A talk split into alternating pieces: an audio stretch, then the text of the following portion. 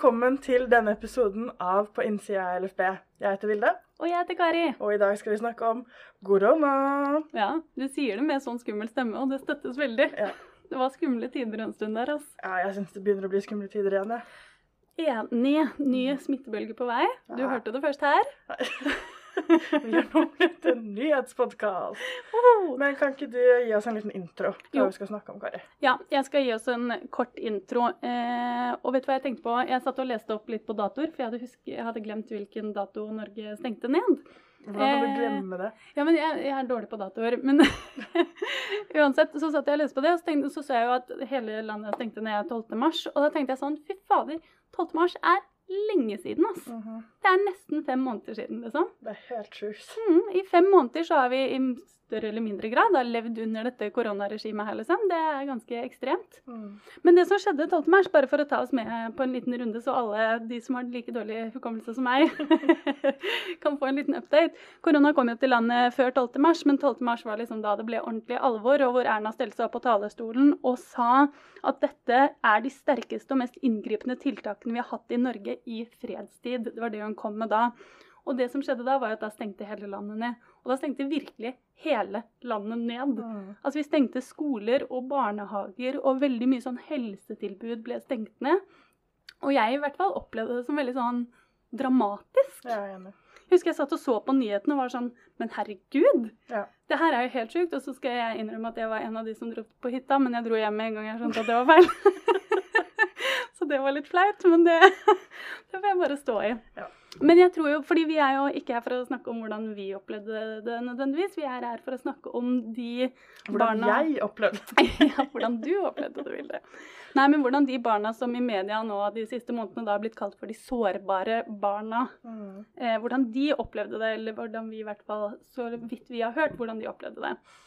Eh, og du skal jo nok ha en liten rant om akkurat det begrepet senere, det tar vi. Ja, men vi bruker det begrepet nå gjennomgående, for Ja. det er ikke et bedre begrep eh, uten at vi må ha kjempelang monolog om det begrepet. Nei, Så vi bruker det, og så kan jeg snakke litt mer om det etterpå. Ja, enig. Så da tenker jeg vi bare kjører i gang med tankene våre, og det første jeg egentlig lurer på er eh, Husker du sånn Hva var det, hvilke liksom, tjenester var det som stengte ned? Ja, du sa det jo litt, da. eh, Men for liksom de tjenestene som var viktige for barn og unge, da, og det vi har Mhm. fått tilbakemeldinger på, var jo skolen og barnehagen og helsestasjon. Mm. Stor, og familievernkontoret, da. Mm. I stor grad var det de fire tjenestene som kanskje gjorde dette veldig mye mer dramatisk enn det trengte å være for barn og unge. Ja. Ja, fordi hvordan tror du det opplevdes at det bare ble stengt ned på dagen, på en måte? For det var jo veldig sånn Klokken seks stenger alt. Ja, jeg syns det var eh, fascinerende, fordi det var jo en del debatter den uka før. Mye sinna foreldre på Facebook og sosiale medier som var sånn 'Vi må stenge ned skolen nå!' Det er ikke bra for barna å gå på skolen. Og det er ikke en diskusjon du og jeg kan ta, for vi Nei. har ikke peiling på om det var bra eller ikke at den skolen stengte ned, sånn rent smittevernmessig. Mm. Eh, men hva det gjør med et barn da, når noe bare forsvinner. Altså, Jeg eh, sammenligna det i starten med når skolen gikk i streik da jeg var ung. For det skjedde også på den tida hvert eneste år. Mm. Og det var noe alle, de, nå sier jeg det med hermetegn, men de vanlige barna da gleda seg til. Fordi da fikk vi fri, og da slapp vi å dra på skolen og alt dette her. Mens jeg og satt med en sånn boble i magen, eller klump i magen, da. Mm. Eh, men jeg liker bedre boble, fordi det sprekker fortere. Um, som var sånn Men herregud, når går vi tilbake til noe, det vanlige? Mm. Hvor lenge må jeg leve i at jeg ikke skal være borte fra hjemmet i disse timene? Og en streik er nok litt mer forutsigbart enn en pandemi. Eh, absolutt. Absolutt. Men jeg tror nok følelsen mange, spesielt disse sårbare barna satt med, da, var en sånn Shit, hva skjer nå? Mm. Og når tar det slutt? Mm. Fordi greit nok, den, de første to dagene så er det sikkert dritfett for de fleste, eh, tipper jeg. Og det er skummelt, absolutt, fordi man ikke skjønner hva som skjer. Men så går det over i en sånn Det var jo pressekonferanse i hvert fall annenhver dag den perioden. Ja. Eh, og det sikkert fikk de beskjed på nettundervisningen sin at de skulle se på den, og ingen kunne gi et klart svar. Nei. Altså, sårbare barn er Nå drar jeg kanskje alle over under i samme kam, men så avhengig av rutiner Og ja. Ja, fordi det var det jeg litt lurte på sånn, når skal det tilbake til det vanlige, sa du i sted, men da lurer jeg på sånn, hva er det som er så viktig med det vanlige, da? Det er jo rutinene, da. Å vite at jeg skal gjøre dette i det tidsrommet. Og når det tidsrommet tar slutt, så skal jeg gjøre dette. Mm. Eh, og så er det ikke nødvendigvis sånn at en barnehjerne fungerer sånn, da, at de tenker jo, fra åtte til fire er jeg på skolen, og fra fire til seks skal jeg spise middag. Men det er en rutine som gjør at OK, hvis man bor i et voldelig hjem, da, eksempel, så vet man at i de fra åtte til to, da, som kanskje barneskolen varer ikke fire, så er man fri. Da møter man ikke mamma og pappa som gjør Mm. dette her, og man er et sted som ikke nødvendigvis gjør at du ikke tenker på det, men hvor du ikke trenger å bekymre deg for at det skjer akkurat da. Mm. Og så skjer det noe som gjør at hele den rutinen bare faller. Mm. Og mange av disse barna har sikkert ikke tenkt på at de har hatt denne rutinen engang, men som gjør at det blir veldig mye tid å fylle med vold og overgrep, for å være så dramatisk i de tilfellene hvor det skjer. Eller bare veldig mye tid å fylle med uforutsigbarhet. Ja, for det har jeg tenkt mye på sånn eh, For det er jo ikke bare barn som lever med vold og overgrep, men sånn alle barn som lever i eh, på en måte på en eller annen form for sånn ustabile hjem, da. At da har du jo skolen og alle sånne fritidsaktiviteter og fritidstilbud. De er jo på en måte da rammene, Mm. ikke sant? som er noen sånne faste ting å liksom gripe fatt i og holde seg fatt i. Som er sånn OK, jeg vet ikke helt hva som skjer da og da, men akkurat da så vet jeg hva som skjer. Og da Mm. er det det som skjer, og da skal jeg møte de og de, og det blir sånn og sånn. Ja. Og når de rammene forsvinner, så bare Altså, hos mennesker som allerede lever i en sånn utrolig ubehagelig ustabilitet, å legge og bare fjerne alle de trygge rammene må jo være helt sånn opprivende. Mm. Og altså Uavhengig om man snakker om de liksom eh, alvorlige overgrepene, eh, omsorgssvikten, den alvorlige omsorgssvikten, Mm. eller den vilkårlige omsorgssvikten, hvis vi skal kalle det det, så betyr jo denne her eh, uforutsigbarheten og redselen det samme for disse barna. Mm. Eh, om ikke mer i, under en pandemi, tenker jeg, fordi mm, Jeg husker i hvert fall det veldig godt fra da jeg var ung, er at OK, jeg visste hvordan mine foreldre reagerte hvis situasjonen var sånn. Mm. Jeg visste hvordan de reagerte hvis det var helg, Mm. hvis det var mandag, hvis det var tirsdag, eh, hvis det var fotballtrening og alle disse tingene her. Og så skjer det noe som aldri har skjedd før. Ingen aner hvordan man reagerer på noe sånt her. Og disse barna sitter i en sånn i en, ny for uforutsigbarhet, da, som er hvordan reagerer mine foreldre på dette? Mm. Og hvordan endrer det seg fra i dag til i morgen? Mm. Og hva gjør det Jeg tror det må være så ufattelig vanskelig å sitte med som barn og ungdom eh, og grue seg til noe man ikke kan sette ord på. Ja. Fordi det bare er udefinerbart og uforutsigbart. da. Mm. Og så ser jeg også for meg at liksom For dette var jo eh, Altså denne uforutsigbarheten var jo veldig kraftig eh, mest sannsynlig for veldig mange barn og unge. Men det var den jo også for de voksne.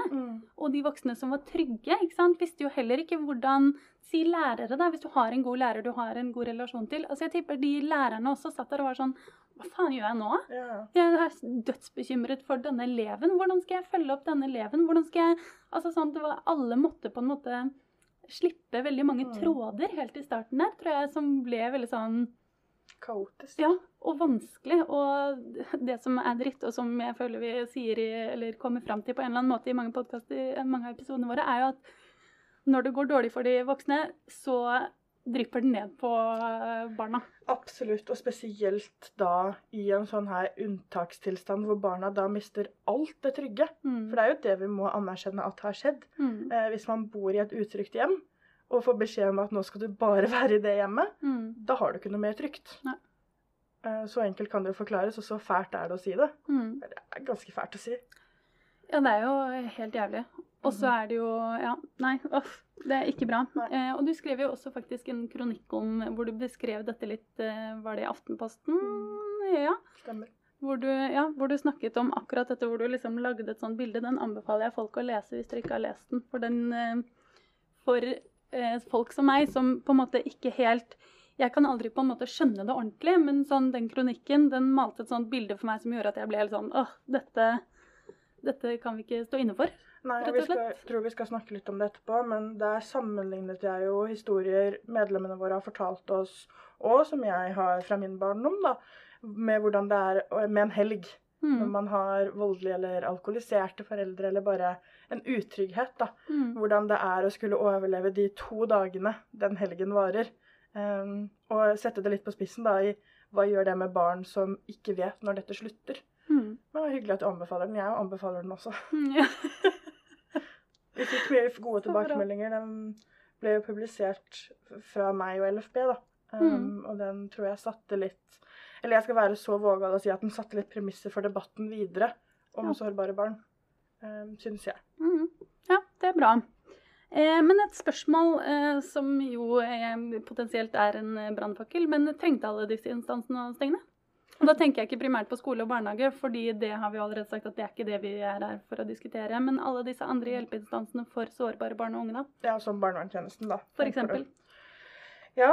øh, lurer du på min mening, eller hva liksom vi, vi sitter jo med statusrapportene som Koordineringsgruppen for sårbare barn, er det den heter? Ja. Tror det? Har kommet med foran oss og har lest de øh, løpende og nå for podkasten. Mm. Og konklusjonen, jeg tar den først, jeg, er jo at nei. Det trengte det ikke. Nei. Og jeg tror at det, når den konklusjonen som du forklarer veldig godt, så den skal du få gjenfortelle etterpå, men når jeg har lest den så mange ganger gjennom disse fem månedene, så har jeg jo blitt farget av det svaret, og Mm. blir veldig oppgitt, kanskje, på at voksne Og er, dette er min brannfakkel, da, så uh, dette gjelder ikke enkeltpersoner, Nei. men det gjelder en tjeneste som helhet. Mm. At voksne tør å være så redde at det skal gå utover barn som er i en verre situasjon, har gjort meg så sint Mm. når disse rapportene har kommet. Og som du nå kan få si litt om, Kari, så viser det jo at fra rapport to så sier FHI åpne. Ja. De sier det jo faktisk fra rapport 1. Allerede i rapport 1 så sier de Jeg har faktisk eh, lurer på om jeg har en liten quote her.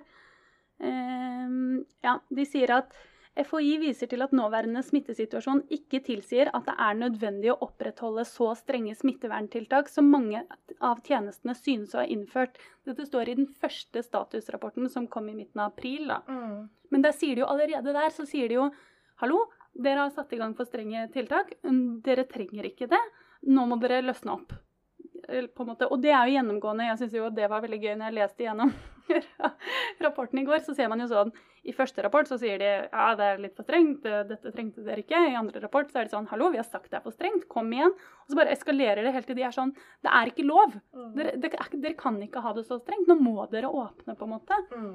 Og det er jo på et sånn mellommenneskelig eh, nivå så syns jeg det er helt utrolig forståelse at f.eks. barnevernstjenesten bare med en gang den nyheten kom, bare OK, alle hjemmekontor. Absolutt, absolutt. For det, det Selvfølgelig oppleves det sånn, og man får beskjed av myndighetene om at man skal i hjemmekontor, og at man ikke skal møte noen og holde avstand. Da gjør man det. Men da mener jeg jo også at da Du gjør ikke mer enn det myndighetene har bedt om å gjøre da. Og når du har en så kritisk samfunnsjobb som særlig barnevernstjenestene har, så kan du ikke tillate deg å være noe strengere enn det du absolutt må være, fordi eh, konsekvensene av hver ekstra lille strenghet kan være så enormt store for Knut, liksom. Ja, ja, ja. Nå er vi jo inne på disse statusrapportene, Mm. eh, så da fortsetter jeg bare å prate litt om det. Ja, kjør på. Fordi det er jo, som du sier, allerede i statusrapport to så viser, da tror jeg det er koordineringsgruppen, viser til Barnekonvensjonen. Mm. Allerede i statusrapport to viser de til at Barnekonvensjonen den forplikter oss til å ivareta barnets beste, selv om situasjonen er krevende. Når man på en måte må flekke opp det høyeste dokumentet vi har, og vise til det, og det fortsatt ikke blir gjort. Jeg, jeg irriterer meg veldig over at eh, gjennomgående så har jo denne koordineringsgruppen spurt barnevernstjenestene Mm. eh, om hvordan det er å jobbe. Mm. Det er veldig bra at de har gjort det. Absolutt. Men ho slik jeg tolker rapportene, da, så er hovedsvaret at det går bra. Mm. Vi får til å gjøre jobben vår selv om vi er på hjemmekontor. Mm. Og det kan det godt hende de gjør igjen. Så må jeg liksom gi en sånn disclaimer da på at jeg skal ikke definere om barnevernet gjør jobben sin eller ikke, og vi skal ikke gjøre det. Nei. Men vi vet at sosialt arbeid og det relasjonsarbeidet som gjøres i barnevernstjenesten, det er helt avhengig av at man fysisk møtes. Det er helt avhengig av at det barnet eller ungdommen som sitter foran deg, opplever at du er der. Jeg holdt på å få et mentalt sammenbrudd av å samarbeide med deg over eh, Teams. Ja, for jeg skulle til å si det sånn Jeg har, eh, mm, og dette sier jeg totalt uten noe som helst grunnlag, det, men jeg har inntrykk av at sånn barnevern, veldig mange barnevernstjenester eh, Og nå kommer Fader, det er mye brannfakler fra meg nå. Men jeg eh, mistenker at barnevernstjenesten sier vi eh, gikk i hjemmekontor, men vi opprettholdt alle avtaler Mm. fordi vi var tilpasningsdyktige og vi liksom kjørte det digitalt og sånn. ikke sant? Fordi I begynnelsen var det jo veldig fokus på sånn Herregud, alle er så flinke på å være digitale og blah, blah, blah, vi lærer så mye og dette går bra og sånn. Fordi vi var i en sånn dugnadsånd. Men som du sa, å kommunisere bare digitalt, det gir ikke Det fjerner så mye av kommunikasjonen. Mm. Og det gjør kommunikasjonen utrolig mye vanskeligere.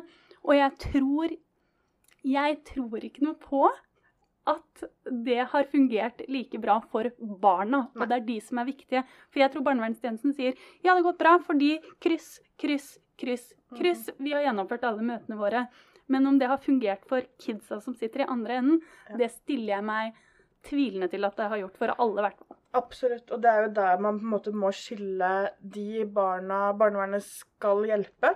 Samfunnsmandatet deres, det oppsøkende mandatet ved å hjelpe barn i samfunnet, og de barna som allerede er under omsorg. Mm. Fordi vi også har jo snakket med medlemmene våre, og der er jo de fleste under omsorg. Mm. Og det er jo stor spredning i hva de mener, og vi skal komme litt, det drypper litt, de meningene hele tiden. Mm. Eh, men ikke engang de er fornøyde. Nei. Og greit nok, det lille medlemsantallet vi snakket med, er ikke et eh, forskningsgrunnlag. Absolutt ikke. Men de meningene syns jeg veier mye, mye tyngre enn de tilbakemeldingene ansatte i barnevernet har kommet med. For sitter det barn rundt på, i fosterhjem eller på barnevernsinstitusjon som opplever at de ikke har hatt kontakt med saksbehandleren sin, Mm. at de ikke har fått snakket med sin barnevernstjeneste, da har ikke barnevernstjenesten gjort jobben godt nok. Ja. Så vi kan jo liksom kaste ut en sånn, det er vel enda en brannfakkel til de barnevernsarbeiderne som hører på. Har dere spurt deres ungdommer og barn om de opplever at de har fått hjelp under denne pandemien? Ja. Um, Og om det digitale har funket like godt. ja, og gjerne still de spørsmålene på en litt annen og hyggeligere måte, kanskje. Men, Ja, det er anbefalt. Uh, Fordi jeg tror nok kanskje svarene er litt annerledes der. Fordi mennesker er avhengig av mennesker, og mennesker i Mm. sårbare situasjoner er avhengig av mennesker på en helt annen måte. Det er akkurat det. Eh, og da eh, Særlig tror jeg, eh, og det har vi jo sett litt på disse svarene fra disse medlemmene vi har snakket med også, jeg tror jo veldig mange barnevernsbarn, og, eller sårbare barn, da, la oss kalle det det, opplevde en litt annen form for isolasjon enn eh, mange andre. Hva tror du? Tenker, Hvilke tenker du på nå? De som barnevernet har plukket opp, eller de alle? Jeg tror nok jeg tenker hovedsakelig på de som barnevernet har plukket opp. Ja, absolutt. Det er jo de vi snakket med. Mm. Uh, fordi det er de vi vet hvem er. Mm. Kjempelett å plukke de ut når man vet hvem de er. Mm. Uh, og, og føle da at eh, Vi har snakket med ei jente som var veldig frustrert over at hun ikke hadde fått møtt familien sin Mm. under korona. For det var noe av det første Erna sa. Eh, det var kanskje ikke pressekonferanse én, da, men pressekonferanse to var jo da, du skal få lov til å være med familien din. Du Mm. kan være i karantene med familien din, og du kan få lov å klemme husstanden, da, så familien din. Mm. Og hun var veldig frustrert over at Men jeg får jo ikke lov å møte min familie. Jeg må være her hvor jeg Mm. er nå. Uh, og det er ikke det at det ikke er fint å være her, men uh, hun følte Og det er jo en gjenganger, det um, i det medlemmene fortalte, var jo at informasjonen som kommer, passer ikke oss. Mm. eh, fordi vi er annerledes. Og hva gjør det i tillegg til alt dette her, da? Mm. Hvor mye forsterker vi den annerledesfølelsen ved at vi ikke har laget noe tilpasset informasjon til disse? Og det er sikkert en overdrivelse, fordi det er sikkert noen veldig flotte fosterforeldre og institusjonsarbeidere der ute. Ja, Absolutt. vi vet det er det. Det er det. Som har tilpasset denne informasjonen.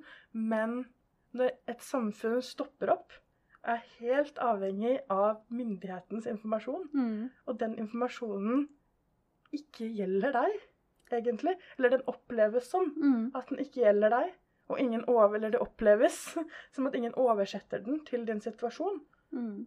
så er du, da er du aleine, altså. Mm. Da føler man seg fryktelig alene. Mm. Og det er vel kanskje det største sviket vi gjorde, da.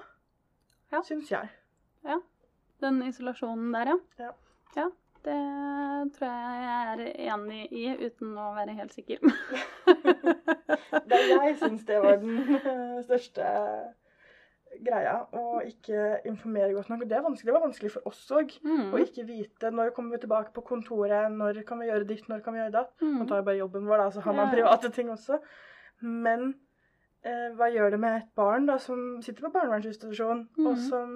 Som lurer på ok, men når blir det neste møte med familien min? Mm. Når skal jeg snakke med saksbehandler igjen om når jeg skal flytte? Mm. Fordi det har vi snakket om et halvt år nå. Vi snakket jo med en som skulle hatt et ettervernsmøte. Mm. Nå, det var vel da jeg vil tippe 16. mars. Eh, som ble avlyst. Helt naturlig. Mm. Eh, men ingen tok opp den tråden igjen. Denne personen ble jo 18 i disse fem månedene som skjedde nå. Mm. Og har bare altså, Jeg vet ikke hvordan jeg skal formulere meg, men jeg hadde mista så ufattelig mye tillit Ja. til det systemet. Hvor, spesielt ettervern, jeg skal ikke begynne hele den ranten, Mm. men hvor man har Mest sannsynlig har denne saksbehandleren jobba hardt da, for at denne ungdommen skal si ja, vi skal ha dette møtet, og det skal bli dritbra. Mm. Og så bare Shit, nei. Mm. Det skal det ikke, fordi dette møtet kan vi ikke gjennomføre. Og jeg har ikke, mest sannsynlig ikke tid til å ta det nå, fordi det brenner her og det brenner der. Mm. Og så sitter det en ungdom igjen da, og blir 18 og lurer på om hun skal flytte ut av fosterhjemmet eller bli værende eller hybel eller hva enn det er. Mm. Og det er jo Det høres ganske lett ut når man bare gjenforteller det sånn. At jo da, men du har jo en fosterfamilie å snakke med, bla, bla, bla. Men den ensomhetsfølelsen, da, Mm. i at det offentlige systemet som har fulgt deg opp, og i, i disse ungdommene sitt tilfelle i mange, mange år, Mm. bare forsvinner. Det er jo Nå skal ikke jeg si at det er en ny omsorgssvikt, jeg hadde litt lyst til å si det. Mm. Men det blir jo et nytt sånn minisvik, da. På Mm. at skal, Oi, skal alle bare forsvinne, da? Hva skjer nå? Ja, fordi det føler jeg vi jo har fått sett her, eh, i hvert fall til en viss grad, at jeg er ikke helt sikker på om jeg eh, har lyst til å banke i bordet og si ja, eh, dette systemet som er laget for å ta vare på de sårbare barna, i hermetegn, var klare for en krise. Det var det ikke. Nei. Det, det var mye som på en måte falt litt da, og prioriteringene om, jeg, Igjen, jeg syns det er helt naturlig at prioriteringene eh, de viktige prioriteringene som typ barnets beste eh, falt litt i baksetet fordi man kanskje ble bekymret for egen helse, eller kanskje har man en eh, ektefelle som er i risikogruppa, eller et eller annet sånn. Men det, jeg syns det virker ganske tydelig at det er et stort forbedringspotensial her. Absolutt. Og det er jo litt viktig, som du sa innledningsvis og i stad, Kari, er jo at det er helt forståelig Mm. at man reagerer sånn. Mm. Det var jo det regjeringen ville vi skulle reagere med òg. Det var Mm. jo en, en redsel, sånn at man holder seg hjemme og holder seg inne. Men når det viser seg, det er jo det som gjør oss irriterte, når det viser seg altså 20. april, over en måned etter yep. at pandemien har slått ut, så, eller vi har gått i lockdown, da, Mm. så er det fortsatt for strengt. En måned etter der er det fortsatt for strengt. Yep. En måned etter der er det fortsatt for strengt. Mm. Det er jo det som er fælt her. Ja. Ikke at man reagerte i sjokk de første ukene. For det er helt naturlig. Det gjorde jo alle. Mm.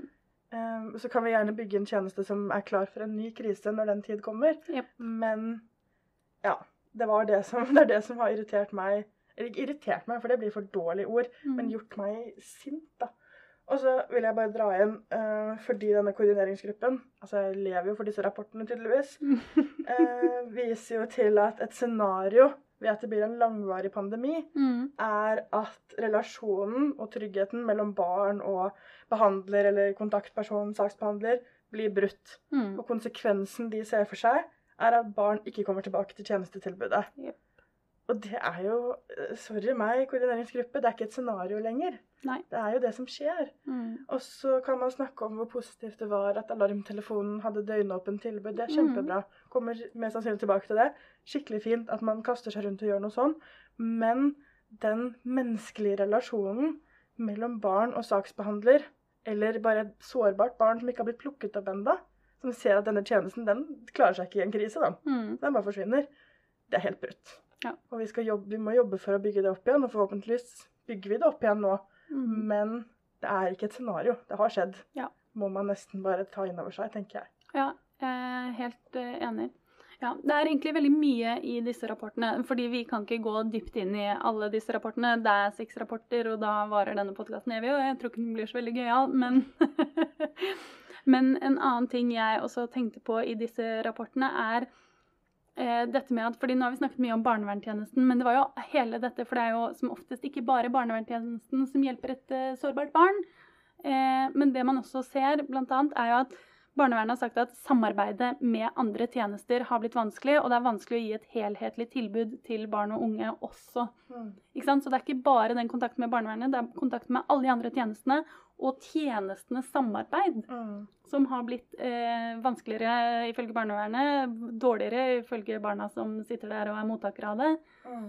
Og det også er jo Altså sånn eh, Jeg vil bare si det for å vise sånn Dette går så dypt, og det påvirker liksom alle områdene i dette hjelpesystemet som skal være der for barna. Absolutt. Og det er så eh, jævlig. Ja, ja. Det er ikke sånn at vi peker på én tjeneste og sier syndebukk nå. Absolutt ikke. Eh, Vi peker ikke på alle og sier syndebukk, vi peker på hele samfunnet egentlig og sier dette burde vi takle bedre. Ja, og dette kan vi lære av, ikke minst. For det er det jeg er litt opptatt av med denne podkasten, og det var det vi snakket om da vi valgte å ha en koronapodkast nå. Det er OK, nå er smittetallene økende. Eh, vi trenger virkelig at eh, hvis det kommer en ny bølge, så må vi få til dette bare litt bedre. Ja. For da er det ikke, nå er det ikke sjokkeffekten er ikke der lenger. Vi blir ikke livredde lenger, formodentlig. Og hvis du blir livredd, så må du deale med det. Ja, Snakk med lederen din. Ja, finne ut av det. Men det, det, det må ikke gå så hardt utover barn og unge nå. Og en annen ting som jeg også blir helt gal av, som Jeg syns det er på en måte veldig, eh, i mangel av bedre ord, eh, søtt. Men det er jævlig. Det er jo også det som står i disse rapportene om at eh, veldig mange eh, De mistenker at mange barn nå ikke vil be om hjelp. Fordi de vil ikke på en måte belaste et system som allerede sliter. Skjønner du hva jeg mener? Ja, ja, ja.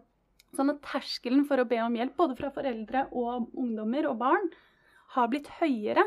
Sånn at flere barnevernstjenester rapporterer jo om færre bekymringsmeldinger i korona, når all logikk tilsier at det bør være flere. Flere. Ja. Nei, men altså, det er jo sånn nat naturlig. Jeg Mhm. tenker at hadde jeg vært barn nå, uh, i den situasjonen jeg var i som barn, jeg hadde aldri turt Nei, hvorfor, eller kan du forklare litt hvorfor det? For jeg, jeg den er, jeg skjønner den, og jeg syns den er veldig fin, men jeg syns samtidig den kan være litt vanskelig å sette meg inn i. Ja, jeg tenker altså, mm, Da blir det jo veldig hva jeg hadde opplevd, da, men likevel så snakker vi jo om denne lojaliteten til foreldrene sine, Mm. som sikkert blir en helt egen podkast bare om lojalitetsspørsmålet. Men jeg hadde nok følt på den i enda større grad. Jeg hadde følt at OK, jeg ser at hele verden er i en krise nå. Da er det ikke rart at mine foreldre reagerer sånn som de gjør. Mm. Alle foreldre reagerer vel sånn nå. Og så er det grunnlaget, da, i å ikke tørre å be om hjelp. Og så bygges det opp en sånn Det er krise! Eh, sykehusene har ikke plass. Mm. Eh, Barnevernstjenesten har hjemmekontor. Nå var det ikke så mye om det i media, da, men Mm. likevel. Eh, helsesykepleieren er ikke på skolen lenger. Og alt bare ramler.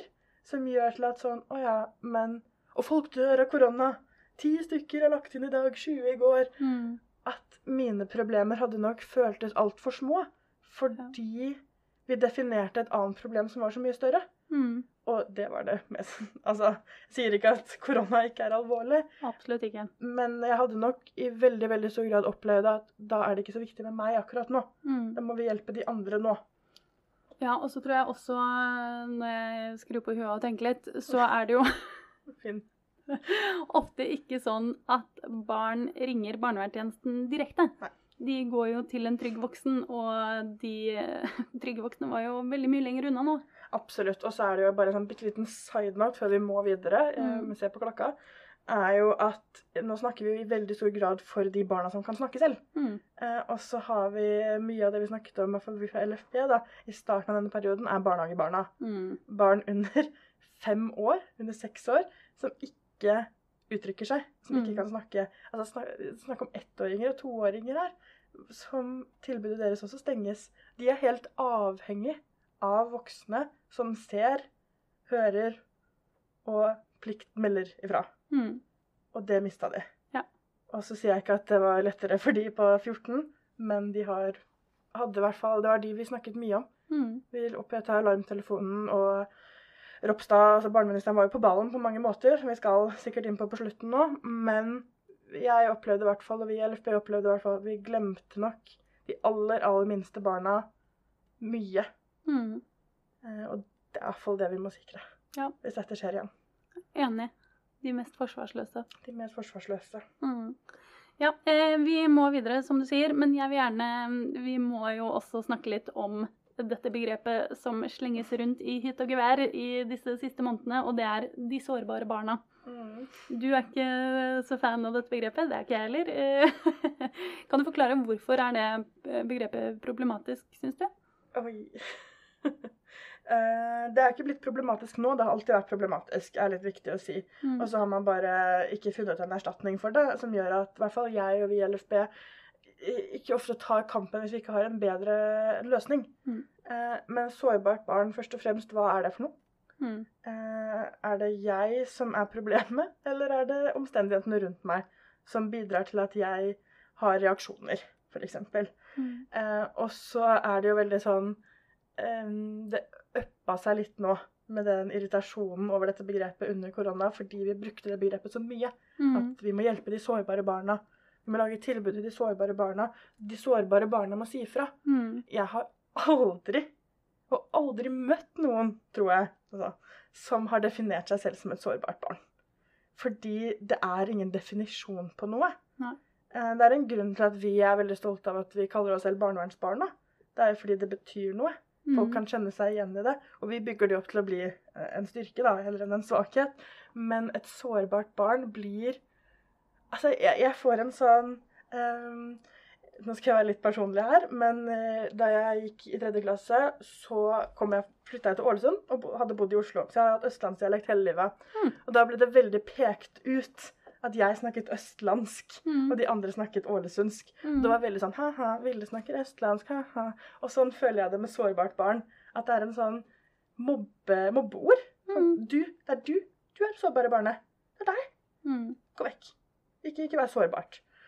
Og det syns jeg er dårlig gjort, fordi det er jo ikke barnet, som sagt. Det er Ja, nei, du vet hvor jeg vil. Kan Ja. vel oppsummere det for meg?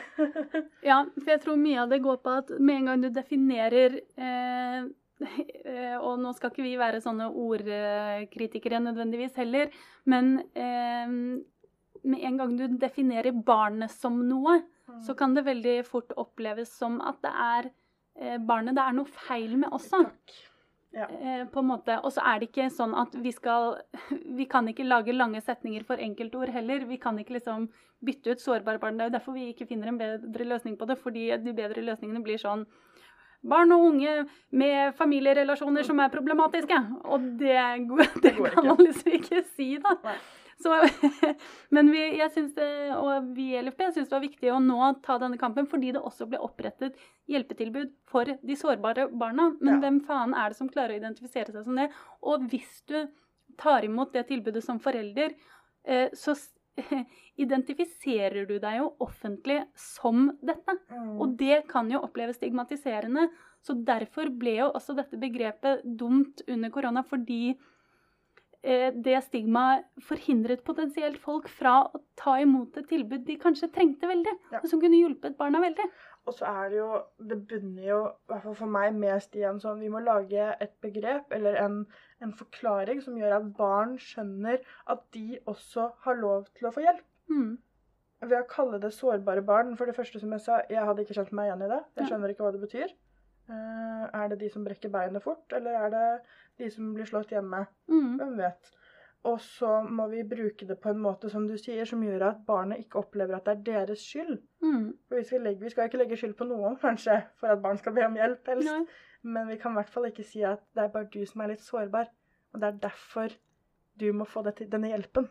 Nei, fordi side note, jeg var på et sånn referansegruppemøte for uh, mange måneder siden hvor vi snakket om barn som pårørende, og hvordan man skulle reklamere for det. Og da husker jeg hele referansegruppen var for sånn Du kan ikke bruke barn som pårørende fordi ingen barn skjønner hva barn som pårørende er. Hva er det pårørende til? da? Fordi poenget var jo barn som pårørende til foreldre med rusproblemer. Mm.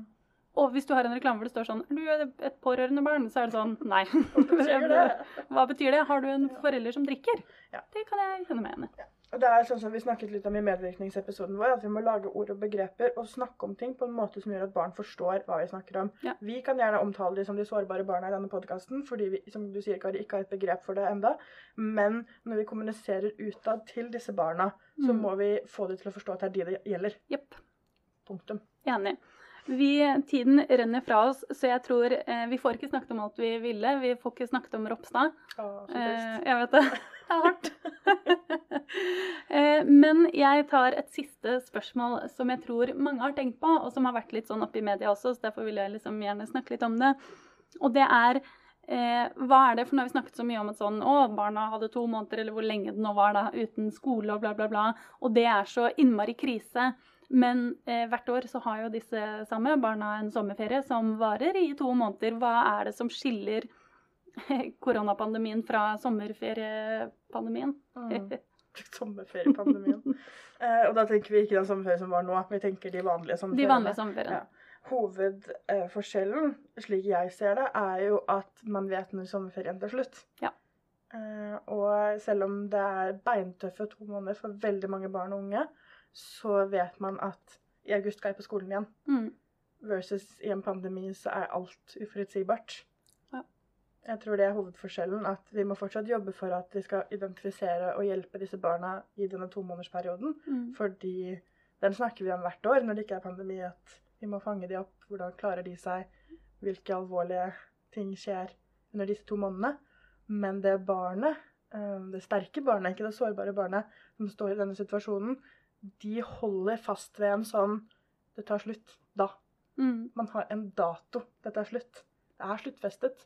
Og har man noe å holde i der, så skal jeg ikke si at alle overlever, men man klarer seg på en helt annen måte. Mm. Man holder i et håp om at dette tar slutt, da. Ja, der kommer det en ramme. Ja. Litt som denne helgen, da. Ja. At for noen kan jo en helg være en pandemi. Mm. De to dagene kan være helt jævlige, Mm. Men det tar slutt. Mm. Og i denne perioden her så igjen forstår at man ikke kan sette en sluttdato på en verdensomfattende pandemi. Men vi må gi barn og unge, uansett om de er sårbare eller barnevernsbarn eller hva enn det er, vi må gi barn og unge holdepunkter. Mm. Noe som gjør dette til en tilnærmet normal situasjon. Mm. Og jeg vet ikke hva de holdepunktene skal være, men de må vi jobbe for å finne hvis det blir en oppblomstring nå. Ja. Og la oss for all del ikke stenge ned så fort som vi gjorde, kanskje. La oss ta noen risikovurderinger. La oss forberede barn og unge på hva som kommer. Og så gi de noen holdepunkter, da. Mm. Barnas pressekonferanse. Et holdepunkt. Jeg Mm. bare sier det. Ja, den var fin. Mm. Enig. Da tror jeg vi kutter det der. Har du noe du vil si som liksom oppsummerer øh, Nå ber jeg om mye her, merket jeg, men som liksom, har du en siste setning du har lyst til å si til folket før vi går til ukas hjertesukk? Til folket. Eh, det er vel ikke til folket, det er heller til regjeringen, som jeg bare tar for gitt at hører på denne podkasten. Ja, du slenger inn Ropstad likevel, Ja. ja? er at hvis vi nå må gjennom strenge, strenge smitteverntiltak igjen, som vi forstår at vi kanskje må hvis Mhm. det blomstrer opp, så må vi evne å sette barns rettigheter, altså Barnekonvensjonen, opp mot disse tiltakene. Vi må gjøre risikovurderinger hvor vi ser Inkluderer vi barn og unge sitt vel og- beste i de vurderingene vi nå tar? For de kan ikke jeg se at har blitt tatt i den femårsperioden som har vært nå. Mm. Kommer dette igjen? Barn og unge må på agendaen. Vi må vurdere de opp mot tiltakene. Ikke bare snakke om de. Kjempefint. Min oppsummerende setning er til alle som jobber med barn og unge. Eh, eh, selv om du er redd, så syns jeg at eh, uavhengig av hva som skjer, så tar du en ekstra telefonsamtale eller et ekstra besøk, ikke bare de vanlige avtalene. For det trengs. Riktig. Riktig. Hva er ukas hjertesukk for deg denne uka, Vilde? Ja, jeg skal prøve å finne noe som ikke er koronabasert. da. Ja. Fordi nå har vi snakka bare om det. Jeg har litt vondt i hodet denne uka. Eh, Jeg føler det er et sånt trykk i lufta Mm. som gjør at jeg får en sånn liten hodepine over øyenbryna. Som gjør at jeg blir eh, veldig eh, ineffektiv Skjønner. med mitt hjertesukk. Ja, men det er fint, det. Eh, mitt hjertesukk er eh, Jeg er litt sent ute med dette hjertesukket, eh, og det er komplett urelatert til meg og mitt liv. Eh, men mitt lille hjertesukk er at Eh, høyesterettsdommer Ruth Bader Ginsburg er syk, og jeg er livredd for at hun skal dø før vi får kastet idioten Trump av presidentstolen. Jeg bytter hjertesukk.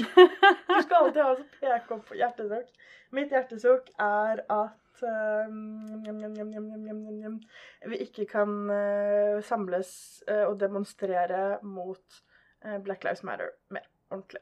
Jeg vil gjøre det mer. Ja, men Så flott. Eh, Jeg håper du mener for. Men Bare sånn. Ja, men Jeg måtte bare kaste ut noe, for jeg ville være med på den på PK. Ja, men det er hyggelig. Jeg mener selvfølgelig for Black Ja. Matter. Det tror jeg alle skjønte. Jeg bare synes det var gøy å påpeke. Eh, men da takker vi for oss i dag. Vi ses jo igjen om to uker. Da er planen at vi skal snakke om enslige mindreårige asylsøkere. Det blir eh, spennende. Jeg eh, legger inn en liten spådom om at eh, vi får en hissig Vilde. Vi får se. OK, vi snakkes om to uker. Det Ha det. Ha det!